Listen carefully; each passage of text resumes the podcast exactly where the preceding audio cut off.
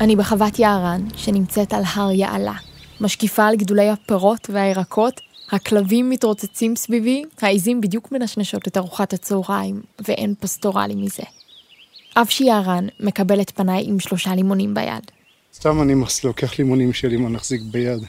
אם אין לי שום דבר ביד זה מצב לא נעים. אז עכשיו אתה גם כותב? מה אתה עושה היום? היום אנחנו מגנים על הערוגות, על ערוגות הירקות, יש לנו כאן במורד רבע דונם. לפני 21 שנה, אבשי ואשתו בר, שתכירו עוד מעט, מעשו בחיים המודרניים. הוא היה קיבוצניק מהדרום, היא צעירה מגבעתיים, ואחד הדברים המשותפים שמצאו זה בזו, היה תחושת חוסר השייכות שהרגישו מאז ומעולם. הם מצאו אחד את השנייה וחיפשו להתרחק מהחברה, יחד. אז... התרחקנו למקום שהוא, שהוא, נגיד, מבחינת הריחוק מהחברה, הוא פחות או יותר המקסימום, אה, המקסימום שאפשר להגיע. ידענו שיש לנו את היכולת המיוחדת הזאתי לא לשחק את המשחק, אלא לצאת החוצה ולייסד לעצמנו ממלכה משל עצמנו. החווה שמבודדת מכל עיר או מושב ונמצאת על צלע ההר, מתקיימת באופן אוטרקי כמעט לחלוטין. כלומר, כל מה שמשפחת יערן צורכת, היא גם מייצרת. אוכל, מים, חשמל, אפילו גז שהם מייצרים מקומפוסט שהם דוחסים ומאבדים במערכת מיוחדת שבנו. והם מתפרנסים ממכירת גבינות עיזים שבר מייצרת. וואו. שפע של גבינות ולחמניות תוצרת בית מחכות לי כשאני נכנסת לבקתת המגורים שהם בנו בעצמם. זהו חדר מעץ בגודל של קופסת שימורים, ובו הם חיים, בין העגבניות לעיזים. ליד שולחן העץ מחכים אנוש, הילד הצעיר מבין החמישה, ובר, אשתו של אבשי. מאז שאני זוכרת את עצמי, אני מרגישה לא ממש חלק מאיזושהי קבוצה. וזה גם מה שאבשי הרגיש, כשגדל בקיבוץ. החוויה שלנו בסופו של דבר הובילה לתחושות די דומות.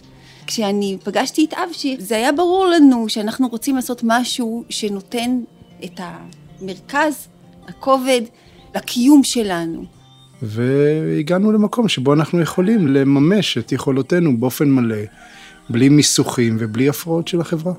הם הגיעו להר שעליו תקום החווה כשהיו בני 30 וקצת, אחרי ניסיונות כושלים לחיות בדרך שלהם במסגרת הקיבוץ.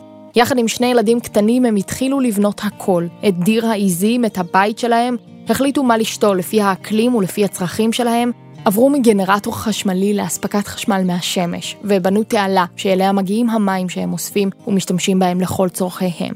לי זה נראה כמו לבחור את אחת הדרכים היותר קשות לחיות בהן. לא, אני חושבת שלנו זה היה מאוד מאוד קשה להתמודד עם אנשים. אנחנו לא יודעים להתמודד עם אנשים. לכן הדרך הקלה בשבילנו היא הדרך הקשה בשבילך. יש המון דברים ממש טובים שבאים כעסקת חבילה. לא הייתם צריכים אותם? לא הרגשתם שאי אפשר בלעדיהם? לא חווינו אותם. הם כן חוו חוסר פרגון, צרות עין, הרגישו שהם לא יכולים לשחק את המשחק ולדחוף את עצמם קדימה, ולכן עדיף שיצאו ממנו ויחיו כפי שהם מבינים. אני מעדיפה להוביל את העדר של העיזים שלי, ולא להיות מובלת. ואל העדר שלהם הצטרפו במהלך השנים חמישה ילדים. אנוש, שתכף יצא לשנת שירות, נולד לתוך החווה. למציאות שסובבת סביב הטבע והעבודה, ושאנשים חיצוניים, כמו שכנים או חברים, הם לא כל כך חלק ממנה. מה אתה חושב על זה? אני חושב שהפרט לבד הוא, אה, אם הוא מסתכל על עצמו לבד, הוא יותר חזק מאשר אה, אם הוא מסתכל על עצמו כחלק ממכלול. ונראה לי שזה נותן הרבה כוח לראות את זה ככה. אנוש למד בבית ועם מורים פרטיים עד כיתה ח'. בכיתה ט' דרך לראשונה בבית ספר. הוא בחר ללכת לפנימייה. שם הוא נתקל במגוון בני נוער שונים ממנו. הם גדלו בבתים די רגילים מבטון עם גישה ישירה לרחוב ועם רחמנא ליצלן מערכת ביוב.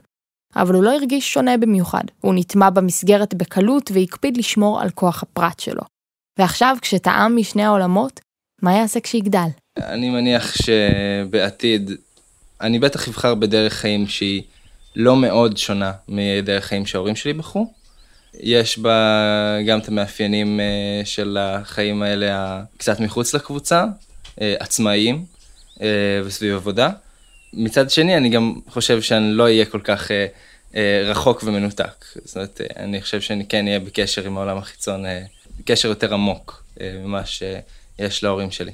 והוא הגיע למסקנה הזו? כי כמו שאני מבין את הכוח של הפרט, אני גם מבין את הכוח של החברה. כשאנוש מדבר, אני מתבוננת על בר, על איך היא מביטה בגאווה בבן החכם שלה, אבל גם בחשש. היא הרי חיה פעם בחוץ, ונכוותה. ההתנהלות של האנשים, הצרכנות הזאת שלהם, הרצון שלהם לנצל כמה שיותר, אה, זה, זה דבר שכל כך אנחנו מתנגדים לו. כן, אני חושב שמה שהכי הרחיק אותי מהחברה זה העניין של חוסר אה, פרגון. בגלל זה שאני לא ידעתי לדחוף את עצמי למרכז וכך הלאה, תמיד מצאתי את עצמי מוערך פחות ממה שחשבתי שמגיע לי, ולכן העדפתי להתרחק. אני מקבל את התמורה לפי מה שהצלחתי. הצלחתי, העץ גדל, נכשלתי, העץ לא מניב. ואת הדברים האלה בתוך החברה לא הצלחתי, לא הצלחתי ל- ל- למצוא. זה, בתוך חברה זה הרבה הרבה יותר מורכב. אחרי שעלינו לקרקע והתחלנו להקים פה את החווה, הרגשתי פתאום שאני משוחררת מכל הדברים האלה, שאני לא צריכה להוכיח לאף אחד שום דבר.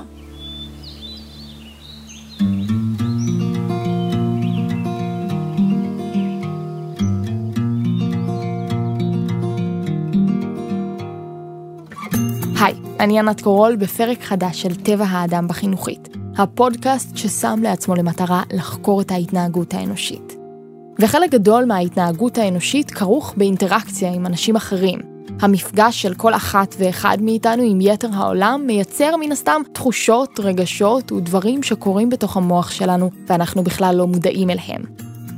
יש צדדים חיוביים למפגש הזה בינינו לבין החברה. נוצרים קשרים, מתפתחים רגשות של אמפתיה ואהבה ונוצר אמון.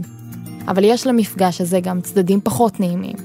כל אותם הדברים שגרמו לאבשי ובר להתנתק מהחברה שלנו ולעבור לחווה מבודדת בערים. למה אנחנו לא יכולים לחיות בשלום ובהרמוניה אחד עם השני? איך נוצרו הרגשות השליליים האלו ולמה הם קיימים? נתחיל ברגש קטן וטבעי, קנאה. קנאה זה רגש מכוער, כאילו. זה לא כיף להרגיש, אני מרגישה מכוערת כשאני מקנאה. אני מרגישה ממש שהפנים שלי נהיות מכוערות, והפנים שלי נצבע במין איזה צבע מגעיל, זו תחושה מאוד... מאוד לא טובה. זה לא שאני מרגישה כל יום קנאה על כל מיני דברים, אבל מתמצתים את כל הקיום שלי לדברים בסיסיים ש... ש... שהם בשורש של הכל, אז יש שם איזה קנאה בסיסית על כזאת, על משהו שהיה אמור להיות שלי והוא לא שלי. זאת גל, ובגלל שהיא מדברת על אחד הרגשות הפחות נעימים שיש, היא ביקשה שלצורך השיחה נחליף לה את השם. תמיד קינאתי בבנות עם אבא, לאורך כל הילדות שלי. קינאתי במשפחות ה... הרגילות האלה, אבא, אימא וילדים, וספציפית קינאתי לבנות והאבות שלהם. קינאתי על איך כשהסתכלתי, שראיתי שאבות מסתכלים על הילדות שלהם בהערצה ואהבה. והקשר הזה, והאבא המגן, ואם מישהו מסתבך אז הוא קורא לאבא שלו, וכל הקלישאות שגם ראיתי אותן חיות בילדות. את הדבר הזה של יש אבא, משהו מאוד מאוד חד משמעי, שהוא אבא, ולא היה לי את זה. לא היה לי את זה. וזה לא שלגל אין אבא, היא פשוט מרגישה שהוא נלקח ממנה. נולדתי בארצות הברית. כשהייתי בת ארבע, אז אבא שלי עזב את הבית, הוא בעצם עבר לגור אה, עם אישה שהייתה מאהבת שלו הרבה מאוד שנים. המאהבת שלו, שהפכה להיות אשתו, גם עזבה את בעלה לטובתו, ובעצם לקחה את הבת שלה, שהייתה בת חמש. ואת הבת הזו, אבא של גל אימץ באופן חוקי. והיא לקחה, קיבלה את השם משפחה שלו. גל נשארה לגור עם אימא שלה, ובביקורים המעטים בבית החדש של אבא, היא נאלצה לראות איך... הוא גידל אותה. היא נמצאת שם, היא קוראת לו אבא, היא ממש בת גילי, היא גדולה ממני בשנה בלבד, אנחנו אפילו משחקות ביחד קצת. אמ, יש לה שם חדר וצעצועים, אני לא ישנתי שם אף פעם, הייתי מגיעה רק לכמה שעות. זה כמו להגיע לבקר בבית של משפחה, של אנשים אחרים. כאילו אני מבקרת קרובי משפחה ויש להם, ויש להם את המשפחה הגרעינית שלהם, שזה הם, ואני קרובת משפחה יותר רחוקה שבאה לביקור. אז כשאני באה, מתנהגים עליה נורא נורא יפה, ומשחקים, וצעצועים, ואת האוכל שאני אוהבת, ופינוק. אבל זה, זה אירוח, זה מאוד מאוד אירוח. זה לא שלי, וזה הצצה על חיים של אנשים אחרים. וזה עורר אצלך קנאה? כן, זה עורר אצלי קנאה. כן. אמ, זה לראות סבתא שלי ממש אימצה אותה כנכדה, ממש פתחה את ליבה. אבא שלי הוא בן אדם יותר מורכב מבחינת לפתוח את הלב, אבל היא ממש אימצה אותה, חיבקה אותה ונשקה אותה וישבה על הברכיים שלה והיא שרה לה, ו... אהבה אינסופית כזאת, והיא ישר קראה לה סבתא, וזה כאילו הם לא נפרדו מאז לידתה. אה, וזה, אני זוכרת, לראות את כל החום הזה מורעף עליה, זה עורר אצלי קנאה. קנאה. אה, אוקיי, קנאה בעצם זה רגש שנחווה לרוב כרגש שלילי, איזושהי תגובה שאנשים חווים למצב שבו הם נמצאים בעמדת נחיתות. זוהי פרופסור סימון שמאי צורי מאוניברסיטת חיפה, חוקרת רגשות. ומבחינתה קנאה היא רגש טבעי, אפילו מאוד. לדעתה, הוא קיים גם בבעלי חיים. אה, יש ניסוי מאוד מפורסם שהתפרסם בנייצ'ר, שאומנם לא קרא לזה קנאה, כי זה באמת, אה, אנחנו לא יכולים להסיק על רגשות של חיות אה, בגלל שאין להם דרך באמת לדווח לנו, אבל מה שעשו בניסוי הזה עם קופי קפוצ'ין, נתנו להם בעצם לשחק איזשהו משחק, שכל פעם הם קיבלו תמורת שיתוף פעולה, הם קיבלו מלפפון, והם שניהם שמחו ושיתפו פעולה, והמשחק הלך מאוד טוב. ואז באיזשהו שלב, לאחד הקופים נתנו חיזוק מועדף, נתנו לו אה, ענב. וברגע שקוף אחד התחיל לקבל ענבים מתוקים, והשני נשאר עם מלפפון ירוק ומשעמם, הקוף שקיבל את המלפפון, שקודם היה מאוד מבסוט מהמלפפון, ושמח לשתף פעולה גם תמורת מלפפון, הפסיק לשתף פעולה, לא היה מוכן יותר לקבל את המלפפון בתור חיזוק. זאת אומרת שאנחנו רואים שגם אם זה חיזוק שהוא אה, טוב לנו, ברגע שאנחנו רואים שלדמות אחרת יש אה, חיזוק מועדף, אנחנו נפסיק לשתף פעולה. אז למרות שאולי אפשר לחשוב ככה, קנאה היא לא איזה רגש מורכב שמצריך יכולות של חשיבה והרהור. זה רגש קדום וטבעי. ועכשיו בעצם צריך לשאול, איפה הקנאה נמצאת במוח? פרופסור שמאי צורי ערכה ניסוי. אה, אנחנו פשוט נתנו לנבדקים ניסוי שבו הם צריכים אה, לבחור אחת מכמה דלתות, ואמרנו להם שמאחורי כל דלת מסתתר איזשהו סכום של כסף. הם יכולים לקבל או פלוס אה, נגיד חמישה שקלים, או פלוס עשרה שקלים, או מינוס עשרה שקלים, או מינוס חמישה שקלים. זאת אומרת שהם יכולים להרוויח או להפסיד. מין משחק הימורים. ורגע לפני שהם התחילו להמר על הדלתות, פרופסור שמאי צורי סיפרה להם שבחדר הסמוך נמצא אדם נוסף, שמשחק באותו משחק וגם הוא יכול להרוויח או להפסיד כסף. הנבדקים היו מחוברים למכשירים, שהם מראים אילו אזורים מופעלים בזמן המשחק ומתי. מן הסתם צפוי שבכל פעם שהנבדקים ירוויחו כסף, הפעילות באזור העונג תעלה, וכשהם יפסידו, היא תרד. אבל אני מזכירה לכם שכל הזמן הזה, הנבדקים חושבים שבחדר הסמוך נמצא אדם נוסף. אז לאחר שהמשתתפים הימרו על דלת, הראינו להם, אוקיי, קיבלת עשרה שקלים, ואז הם ראו שעשרה, שבזמן שהם קיבלו עשרה שקלים, הנבדק השני קיבל עשרים שקלים. אז מה שראינו זה שכשהם ראו שהם קיבלו עשרה שקלים, הייתה עלייה בפעילות של האזור הזה, אבל כשהם ראו שהאחר קיבל עשרים שקלים, אז הייתה ירידה בפעילות של האזור הזה. סורי שאני אומרת את זה, הם הרגישו כמו הקוף והמלפפון. אבל החוקרים גילו משהו אפילו יותר מעניין. נגיד הם הפסידו עשרה שקלים, הייתה ירידה של פעילות באזור הזה, אבל כשהם ראו שהאחר קיבל פחות מהם, למשל הם קיבלו מינוס עשרה שקלים והאחר קיבל מינוס עשרים שקלים, הייתה עלייה בפעילות של אזור החיזוק, של ה nucleus accumbens. זאת אומרת שעונש נחווה כחיזוק אם הוא מושווה לעונש גדול יותר של האחר. אז בעצם קנאה היא דרך למדוד את מה שיש לנו, לא באופן אבסולוטי, אלא לעומת מה שיש לאחרים. זה יכול להיות קטנוני לפעמים ולא ממש מתיישב עם פילוסופיית העשיר השמח בחלקו, אבל מסתבר שהקנאה יכולה להיות גם די שימושית. קנאה היא רגע שמוביל אותנו בעצם לצמצם פערים בינינו לבין אחרים. בעצם ברגע שזה עוזר לנו למפות משאבים פוטנציאליים בשטח, לראות מה יש לאחרים, להשוות את מה שיש לנו לבין אחרים, ולנסות לצמצם את הפער הזה. אה, זה עוזר לנו אה, להשיג משאבים שאולי לא היינו יודעים שקיימים, כי אנחנו רואים שיש למישהו משהו שלנו אין. לשמור אה, אנשים שאנחנו אוהבים קרובים אלינו, כי אנחנו מביעים מצוקה על כך שהם אוהבים אנשים אחרים.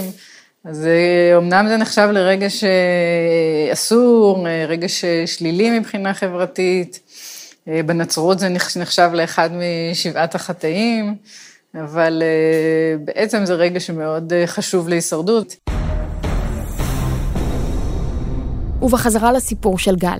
בגיל שמונה היא עלתה יחד עם אימא שלה לישראל, והקשר עם אבא שלה נותק. מהרגע שעלינו לארץ, אני ואבא שלי בעצם לא התראינו 15 שנה.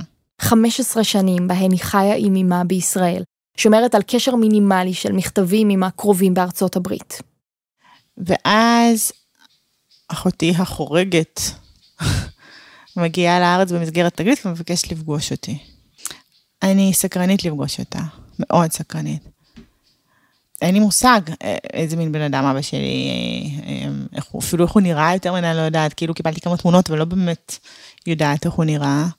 אין לי מושג, וגם סבתא שלי, אין לי מושג על המשפחה הזאת. זה כאילו חלק שלם שבי שלא קיים. אז אני סקרנית לפגוש אותה, שגיד, ולקבל הצצה כזאת אה, לחיים של אבא שלי. אז הם נפגשו בבית קפה בתל אביב. ישר השוויתי אותה אליי. ישר הסתכלתי עליה, גם במה מה יתרונותיה עליי ומה, ומה שלי עליה. דיברנו, שתי נערות מדברות, והיא דיברה בטבעיות, אבא ככה, אבא ככה. ופה עלתה הקינה, וזה ממש היה לי חמוץ. ומה שגל שומעת באמת מעורר קנאה. היא חיה חיים מאוד מאוד מוגנים. אה, אבא שלי גם נהיה אדם די עמיד באיזשהו שלב, אז היא חיה חיים בלי דאגות כלכליות. יכולה לעבוד קצת, או לעבוד במה שהיא רוצה. אה, הוא, הוא, הוא סידר לה הכל, בין אם זה כל הצרכים הגשמיים שלה, ובין אם משהו מתקלקל לה או משהו לא מסתדר לה, אז יש לה את אבא שלי שתמיד ידאג ויסדר, ויש לו את האנשים שלו שידאגו ויסדרו לה, וחיה מאוד בבועה של צמר גפן. ואז מתעורר אצל גל רגש אחר, שאולי חזק יותר מהקנאה. רגשות אשם זה שאני מרגישה רגש כל כך נחות. אה, שגם כאילו לא שואף לטוב בשביל אנשים אחרים, כאילו אין בזה איחול טוב. אבל לפרופסור שמאי צורי יש מילים שאולי יכולות לגרום לגל להרגיש אחרת. היא הרי טוענת שלמרות שלקנאה יש את הצדדים המכוערים והבעייתיים שלה, במינונים הנכונים זה יכול להיות מניע טוב להישגיות ולמצבים שבו אנחנו מקבלים משאבים יותר ממה ש... זאת אומרת, אנשים עם בלי שום קנאה, יכול להיות שהם פשוט לא יגיעו למשאבים שהם היו יכולים להגיע אליהם. אז גל השתמשה ברגש הזה כדי לפתוח את הנושא עם אבא שלה. ממש אני זוכרת שממש אמרתי לה משהו מאוד רגשי, אמרתי לו, היא חיה בבית, היא קיבלה את החיים שלי. זה היו אמור להיות החיים שלי. והוא הקשיב לה. והיום הם נפגשים, אפילו בפורומים משפחתיים נרחבים. ויש עוד משהו שגל לקחה מכל הסיפור הזה, ובעיניי הוא הכי חשוב, ואני חושבת שגם פרופסור שמאי צורי תסכים איתי. היה לי נורא חשוב תמיד, וגם הצלחתי בזה, היה לי חשוב שהבן זוג שאיתו אני אביא ילדים יהיה ממש אבא. אה, זה משהו שכאילו ידעתי מגיל מאוד קטן, שכשאני אביא ילדים לילדים שלי יהיה אבא שיהיה ממש אבא, לא אבא נוטש ולא אבא מחליף, ואבא נוכח ואבא קיים. לפי הסיפור שסיפרנו, הקנאה הביאה את גל בסופו של דבר לבנות את הבית שהיא רצתה לעצמה. והקנאה היא כנראה חלק בלתי נפרד מהחיים שלנו כאן, ביחד. זה חלק מהתנהגות חברתית. אני חושבת שלא לקנא בכלל, זה, זה אומר שיש איזשהו ליקוי בהתנהגות החברתית. ואולי הדרך היחידה להתחמק מהרגש הזה היא לעבור לגור על אי בודד או בחווה מבודדת בהרים. מה שלמען האמת כרגע קצת מעורר בי קנאה, לגור במקום שבו לא תשפטו אחרים והם לא ישפטו אתכם לפי מה שיש לכם או אין לכם, וגם לא לפי המקום שבאתם ממנו, או צבע העור שלכם. אני מחייגת לדוקטור גיל דיזנדרוק מאוניברסיטת בר אילן. לפני שנתחיל ונדבר על הנושא שלנו, אני רוצה לעשות איזשהו ניסיון. אני יודעת שאתה פרופסור. אני חושבת בשל כך שאתה בן אדם מאוד חכם, אוהב לקרוא וללמוד דברים חדשים. אני יכולה להניח נגיד שהתחביבים שלך הם יותר יהיו קשורים ב... בלמידה של דברים או בסקרנות ופחות אה, בספורט אתגרי. האם יש אה, מן האמת במה שאני אומרת? יש מן האמת בהנחות אה, שאת אה, די מהר באמת אה, מניחה לגביי, אבל חלק מההעסקות האלה ומההנחות האלה אישית הן לא נכונות. מה למשל? אני שחקן כדורגל. אני משחק כדורגל פעמיים שלוש בשבוע, אני נכנס באנשים, אני מקלל, אני לא מנומס תמיד, וזה כמו שאת אומרת, כן, זה נוגד אולי חלק מההנחות הבסיסיות שיש לנו מעצם שבן אדם שייך לאיזושהי קבוצה חברתית מסוימת. אז התחלנו טוב. התחלנו מעולה. דוקטור גיל דיזנדרוק חוקר חשיבה קטגוריאלית ומהותנית. מה שעשית זה שאת ניסית לחסוך בהכרה של אה, איזשהו פרט חדש, של איזשהו בן אדם חדש. אה, אנחנו עושים את זה לגבי המון דברים אחרים בעולם. אני נכנס לכיתה, אני רואה כל מיני חפצים, אני מחפש חפץ שאני אוכל לשבת בו. ואם הוא רואה משהו עם ארבע רגליים, מושב ומשענת? אז אני מניח שאני יכול לשבת פה, כי אני מניח שיש לפרט הזה את כל התכונות של חפצים אחרים ששייכים לקבוצה הזאת, כן, לקטגוריה הזאת שנקראת כיסאות. אבל יש מצב שזה בכלל קרטון, או עשוי מפלסטלינה, והתוצאה תהיה נפילה מכאיבה ומביכה. בדיוק. אבל זה לא תקף רק לגבי כיסאות. הבעיה, נקרא לזה ככה, זה שאנחנו מפעילים מנגנון מאוד דומה אה, כאשר אנחנו נתקלים בבני אדם. כמו שלכל הכיסאות ניתן לשבת, על כל הפרופסורים גם כן יש כל מיני תכונות שאני מיד משליך עליהם. ולתהליך הזה קוראים סטריאוטיפיזציה. השלכה של סטריאוטיפים על מה שאנחנו רואים, בלי לבדוק. זה איזשהו תהליך מאוד אה, אינסטינקטיבי אה, של חיסכון מחשבתי. זה חוסך למוח כל כך הרבה זמן בלעשות שוב ושוב בדיקות. הוא מאפשר לו לעשות את התהליכים האלו באופן אוטומטי. תארו לכם מה היה קורה אם בכל פעם שהייתם פוגשים כיסא, לא הייתם יודעים אם אפשר לשבת עליו או לא, והייתם צריכים לבדוק את זה. ובכל פעם שהייתם פוגשים פרוסת לחם, לא יכולתם לדעת אם אפשר לאכול ממנה או לא. אבל למה אנחנו צריכים לחלק לקבוצות גם בני אדם? אני חושב שיש חלק נוסף שהוא ייחודי לגבי האופן שבו אנחנו חושבים על קבוצות חברתיות. והחלק הזה מתקשר לתיאוריות האבולוציוניות, שאומרות שלאדם הקדמון היה חשוב מאוד להשתייך לקבוצה, ובעיקר לדעת מי הם האנשים ששייכים לאותה קבוצה כמוהו, ומי הם האנשים שלא שייכים לאותה קבוצה כמוהו. תהפכו את עצמכם רגע לחלק משבט ציידים לקטים. אתם חייבים לדעת, ומהר, מי עומד לעזור לכם לצוד את האיילה, ומי עומד לנסות לצוד אותה ולקחת אותה לעצמו, אחרת תותקפו, או תגוועו ברעב. אז אנחנו ממיינים אנשים לפי מקצוע, אנחנו ממיינים אנשים לפי גוון עור, אה, אה, ומה שנקרא, אני יודע, גזעים, שזה גם כן שרירותי לחלוטין. אה, הרי את נכנסת לפגישה בארץ, כן, ואת פוגשת אנשים שהם מאוד שונים בגוון העור שלהם, כן? למה החלטנו שהם בכל זאת כולם לבנים, כן, או הם כולם אה, לא שחורים? וכמובן בארץ אחת הקטגוריות הכי בולטות, ומהמחקרים שלנו עם ילדים הכי בולטת, אה, זה הקטגוריה של לאום, החלוקה ליהודים וערבים. החלוקה לקבוצות טבועה בנו, וכנראה שהיא חיונית ויעילה. הבעיה מתחילה כי הסביבה מלמדת אותנו מי הטוב, מי הרע, איזו קבוצה שולטת ומי החלשים. וזה תקף לכולנו. מחקרים הראו שאפילו אנשים שהגדירו את עצמם כליברליים וחסרי דעות קדומות, העדיפו את הקבוצה אליה הם שייכים. הם לא הצהירו על זה, אבל כשבדקו את תנועת האישונים שלהם במילי שניות, ראו שהבחירה בקבוצת האם היא פשוט אוטומטית. טבועה בנו. אבל מה היה קורה אם מישהו היה מצליח להעלים את הקבוצות האלו, באופן כמעט מושלם? איך לדעתך היה נראה אדם שלא חושב בסטריאוטיפים ובקטגוריות? הוא היה מתנהג בהנחה, עוד פעם, הקטגוריית העל שלו, נגיד ככה, כן, הקטגוריה הבסיסית שלו הייתה קטגוריה של אה, בני אדם. אני מבחינתי רואה את זה ככה, שצריך להעריך כל בן אדם. מבחינתי כולם כאחד האדם, ואני לא רואה אותם שונים, אני רואה אותם אה, בדיוק כמו כולם. תכירו את צח. צח, מה אתה אוהב לעשות? אז אני אוהב לשחק ולשיר ולרקוד. ובזה עסקתי כל החיים שלי, ואני רוצה לעסוק בזה גם בעתיד. ותכירו גם את אימא שלו, אלגרה. אני מרגישה ברת מזל, כאילו, זה מצחיק להגיד, אף אחת לא רוצה ללדת ילד חריג ו- וילד אחר, אבל אם כבר, אז uh, לקבל כזאת תסמונת של אנשים שנותנים לך כל כך הרבה, וצח הוא פרויקט חיי, אני ממש יצאתי לפרויקט שצח נולד. כי לצח יש... תסמונת וויליאמס זה תסמונת uh, נדירה.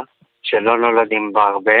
היא מופיעה באחת מ-20 אלף לידות. זו תסמונת שמתבצעת בעיקר אה, בחסר כרומוזום 7 ב... במוח, בצד השמאלי של המוח, שהתפקוד שלנו הוא תפקוד אה, פחות רגיל מאנשים אחרים, אבל אה, אני רואה את זה כתפקוד רגיל לכל דבר. יש לאנשים עם התסמונת כל מיני מאפיינים שייחודיים להם, מאפייני פנים מסוימים, בעיות במוטוריקה העדינה, הרבה פעמים יש להם גם כישורים יוצאי דופן במוזיקה ובלמידת שפות, צח מדבר בין היתר קוריאנית. וגם, יש להם דרך מיוחדת להסתכל על אנשים אחרים. אני תמיד אומרת שוויליאמס היא תסמונת נהדרת, היא תסמונת כזאת של אנשים מיוחדים שלא רואים רע באף אחד אחר. אמ, סתם דוגמא, אם יגידו על מישהי שהיא שמנה, אז צריך יגיד, היא פשוט מקסימה, למה להגיד שמנה? לפי אחד המחקרים שנעשו על אנשים עם התסמונת, היא התגלה שאין להם את היכולת לעשות קטלוג של אנשים לפי הגזע שלהם. לא נעשו עדיין מספיק מחקרים בתחום, אבל נראה שאנשים עם וויליאמס לא מסתכלים על בני אדם דרך קבוצות עם סטריאוטיפים, ולא מצליחים להבין כשאנשים אחרים מדברים בסטריאוטיפים. צח, אם אני אומרת לך עכשיו, וואי איזה פולניאי, או הוא מדבר כמו נהג משאית, מה זה אומר לך? זה אומר לי שלא צריך להגיד דברים כאלה. צריך אה, פשוט אה, להסתכל אה, עליו ולהודות לו על מה שהוא עושה, על, אה, על העבודה הקשה, על הכל. נכון, ואני חושבת שוואי זו פולניה זה איזשהו סטריאוטיפ, אבל כולנו איכשהו לפעמים חוטאים בסטריאוטיפים האלו, זה בא בטבעיות. אה, אני לא, לא מרגיש את זה. אתה מבין אבל מה המשמעות של וואי זו פולניה, על איזה תכונות אני מתכוונת? אה, כאילו שהיא, שהיא מדברת אה, כמו פולניה, אבל היא בעצם אישה רגילה. זה מביך אותו, אפילו המחשבה להסביר את זה, זה מביא אותו ממש למצב של מבוכה. העובדה שצח לא רואה את העולם בקבוצות ובסטריאוטיפים באה כחלק ממשהו גדול יותר. ההסתכלות הייחודית של אנשים עם תסמונת וויליאמס על החברה. אם אבשי ובר מהחווה המבודדת יעשו הכל כדי להתנתק ממנה, אנשים עם תסמונת וויליאמס יעשו הכל כדי להתקרב אליה, ולהפוך אותה למקום כמה שיותר טוב. אני זוכרת דוגמה אחת שצח נכנס לגנון. אה, ביום הראשון הילדים כולם בכו והיה קשה להם להיפרד מהאימהות שלהם. וצח פשוט עבר ילד ילד ואמר להם, למה אתה בוכה? אל תהיה עצוב. למה את בוכה? אל תהיה עצובה. אבל היו גם מקרים בילדות של צח שהחברתיות שלו לא הייתה דבר חיובי. באמת היינו הולכים ברחוב וצח היה אומר לכולם, שלום, אני צח, איך קוראים לך? אחד הדברים שמאוד אה, מאפיין אה, אנשים עם תסמונת וויליאמס, זה האמון הרב אה, שהם נותנים באנשים אחרים. הם סומכים על אנשים אחרים בצורה לא מפלה ובצורה אה, שלצערנו לפעמים מנוצלת. יש המון דיווחים על מקרים של תקיפות וניצול של ילדים עם תסמונת וויליאמס. אלגרה הבינה את הסכנה, והחליטה שגם אם לצח אין יכולת שטבועה בו להבחין בין קבוצת המכרים לקבוצת הזרים, היא תדאג ללמד אותו. ופשוט הייתי נעמדת מול אנשים ושואלת אותו, צח, למה אתה אומר לו שלום, אתה מכיר אותו או אותה? סליחה, גברתי, את מכירה, את מכירה את הילד? למה את אה, פותחת, פותחת איתו בשיחה? ופשוט אנשים היו גם יוצאים עליי, אומרים לי, אה, אה, אין לך חינוך, יש לך ילד כל כך נחמד שאומר שלום ואת מונעת ממנו. אה, הייתי מקבלת כל מיני כאלה ריקושטים, אבל זה לא ממש הזיז לי, כי בסופו של דבר אני הצגתי את המטרה שלי, צריך להסתובב בעולם שהוא יהיה בטוח, את מבינה? שלא כל אחד יוכל אה, לסחוב אותו לכיוון שלו. היום צריך נוסע בכל הארץ ברכבות, ואי אפשר לעבוד עליו. והוא חי באופן כמעט עצמאי. הוא עזב את בית ההורים ומתגורר במסגרת, יחד עם חברים בעלי צרכים מיוחדים בתפקוד גבוה, אבל בתוך הקהילה, בלב יישוב. הוא עובד במפעל לאלקטרוניקה, ובזמנו הפנוי ממשיך בתחביב שלו, התיאטרון. אז באיזה מחזות אה, שיחקת? אה, אני שיחקתי בשוטר אזולאי ובקן הקוקייה. השוטר אזולאי הוא השוטר המתוסכל שנשאר בדרגה הזוטרה ביותר, כי התקשה לבצע מעצרים, מתוך הרחמים והחמלה שחש כלפי הפושעים. מה מאפיין את השוטר אזולאי? הוא שוטר טוב, הוא שוטר נדיב, הוא שוטר שרוצה לעזור, שרוצה לתת. ואז אני מבקשת מאלגרה לתאר את השוטר. אה, הייתי מתארת אה, אדם אה, טוב ולב בהגזמה. קצת וויליאמס הייתי אומרת, כן, השוטר הזה אולי הוא היה אדם מקסים וטוב לב, ואמפתי וחביב, וכל הדברים שאפשר להגיד גם על צח. השוטר אזולאי מעולם לא אובחן עם התסמונת, אבל הוא בהחלט ידוע בתרבות כסמל לטוב לב נצחי. אני תמיד אומרת שאם כלל האוכלוסייה הייתה וויליאמס, היה שלום עולמי. אבל כרגע זה לא נראה באופק. השוטר אזולאי לא מצא את עצמו בעולם שלנו. וגם אלגרה מרגישה שהיא צריכה לשמור על צח מפני החברה, שיכולה להיות מסוכנת בשביל מי שרואה בה את כולם כאנשים טובים. תמיד יהיו כאלה שינסו להרע לנו, ויהיו צרי עין כלפינו ויקטלגו, אבל יהיו גם אלו שלא. ונראה לי שבסופו של דבר, כל אחד מוצא את האנשים האלו. ואם מישהו שואף למין עולם אוטופי שבו כולם מתייחסים אלו לאלו בלי שום שיפוטיות, דעות קדומות או קנאה, אז כנראה שאין לו ברירה, אלא לעזוב להרים.